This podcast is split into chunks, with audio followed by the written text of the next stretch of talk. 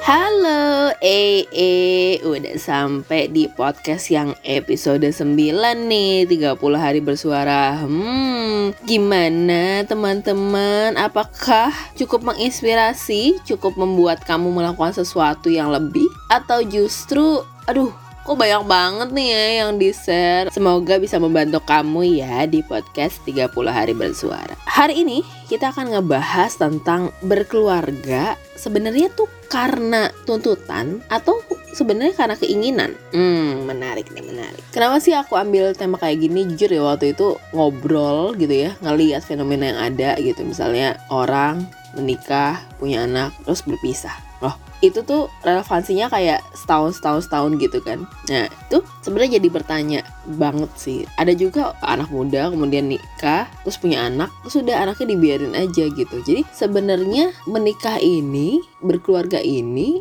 apakah hanya memenuhi sebuah tuntunan ya karena gue umur segini gue harus nikah karena gue selayaknya manusia biasa jadi gue harus memulai hidup sesuai dengan role tracknya atau justru sebenarnya itu memang real keinginan dan memang sudah direncanakan dengan baik apa sih yang menjadi hal-hal yang perlu diperhatiin. Hati-hati dengan berkeluarga karena keterbatasan umur. Well, gue juga saat ini belum menikah gitu kan. Dan kenapa gue bisa bilang kayak gitu? Karena banyak banget orang-orang yang gue temuin di klinik yang menikahnya karena tuntutan keluarga ataupun juga tuntutan dari memenuhi realitas sosial. Seperti misalnya oh Anita harus menikah di bawah umur 30 tahun. Atau laki-laki kalau udah umur 30 20 sekian sampai 30 sekian tuh harus menikah gitu. Padahal ya membuat timeline it's a one thing ya nggak apa-apa sih sebenarnya. Tapi kalau keputusan menikah pada akhirnya bukan karena misalnya pemenuhan ibadah atau memang kerelaan tapi adalah memenuhi tuntutan terus menikah itu kan bukan akhir dari perjalanan hidup lo men gitu. Tapi menikah itu adalah awal dari perjalanan hidup baru. Dan sering kali hal ini kayak memberikan suatu konflik setelahnya. Misalnya kayak oh ternyata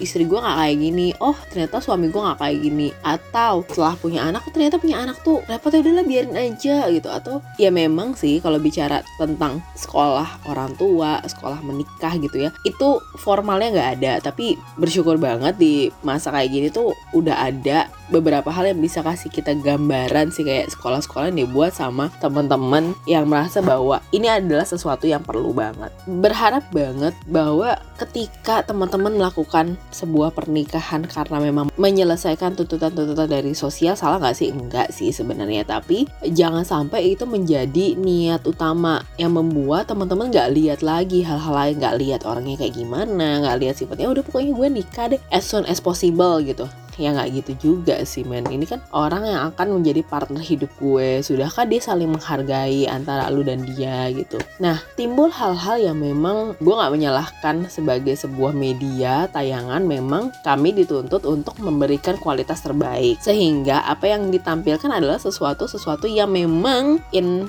top mindnya haruslah sesuatu yang disukai sangat-sangat disukai oleh orang-orang di sekitar dan orang-orang yang nonton pastinya. Iya seperti halnya kayak drama Korea, sinetron. Ya memang itu ditulis berdasarkan imajinasi dan keinginan dari penonton. Kenapa? Ya memang itu buat memberikan daya tarik. Tapi lantas tidak keteplek gitu ya.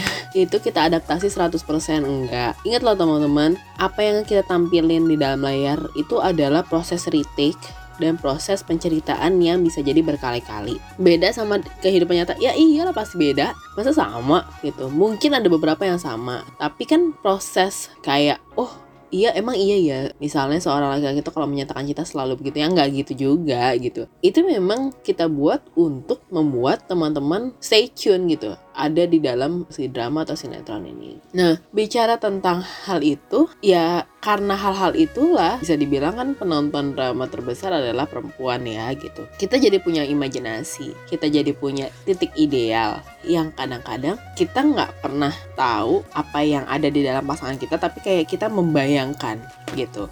Aduh, kayaknya modelnya kayak gini deh nanti calon suami gue misalnya. Eh pas nikah kok nggak kayak gitu? Ya memang nggak kayak gitu.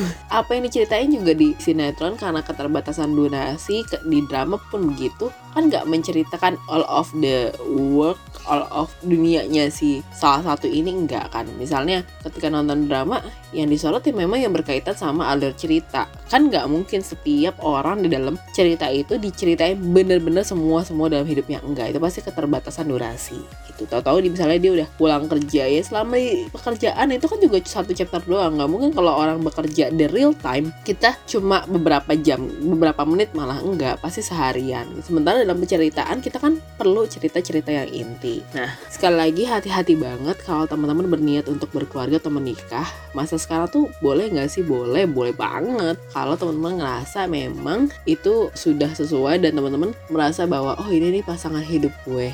Jangan lupa yang paling penting ketika kita memilih pasangan adalah menghargai satu sama lain. Itu penting banget. Karena namanya juga kita membangun keluarga bareng-bareng bukan salah satunya bukan tapi ya bareng-bareng penghargaan itu membawa lo dan pasangan lo nantinya adalah memberi atau mencari-cari hal-hal yang kira-kira bisa dilakukan bersama. Dan terakhir, hindari kata-kata harus. Kenapa? Coba deh dipikirin. Lo menuntut orang berubah. Lo aja berubah nggak? Susah nggak berubah gitu? Nggak usah sederhana deh. Lo misalnya biasa naik kendaraan pribadi. Once lo harus naik kendaraan umum. Berubah aja. Pastilah ada rasa-rasa misalnya, aduh biasanya naik motor sendiri harus naik kendaraan umum. Itu aja udah bikin perbedaan yang jauh banget. Lo harus beradaptasi dengan kemacetan, lo harus berdamai dengan waktu, apalagi kalau lo menuntut orang lain. Memberikan saran good choice, tapi memberikan keharusan itu lain perkara. Untuk hal-hal yang baik boleh disarankan, tapi nggak perlu harus-harus banget. Kalau salah ya memang dibilang salah gitu. Kenapa? Sebuah keharusan itu mengungkung lo pribadi sih untuk menilai sesuatu dan kadang-kadang itu bikin malah hubungan lo jadi gak asik makanya banyak banget orang yang bilang eh kalau lagi pacaran tuh kayaknya asik banget ya gitu. Tapi begitu menikah tuh beda. Jangan-jangan rasa asik itu udah digantiin sama tuntutan lagi. Balik lagi karena lo menikah karena tuntutan sosial lo juga membuat tuntutan itu masuk ke dalam keluarga lo. Hati-hati ya. Semoga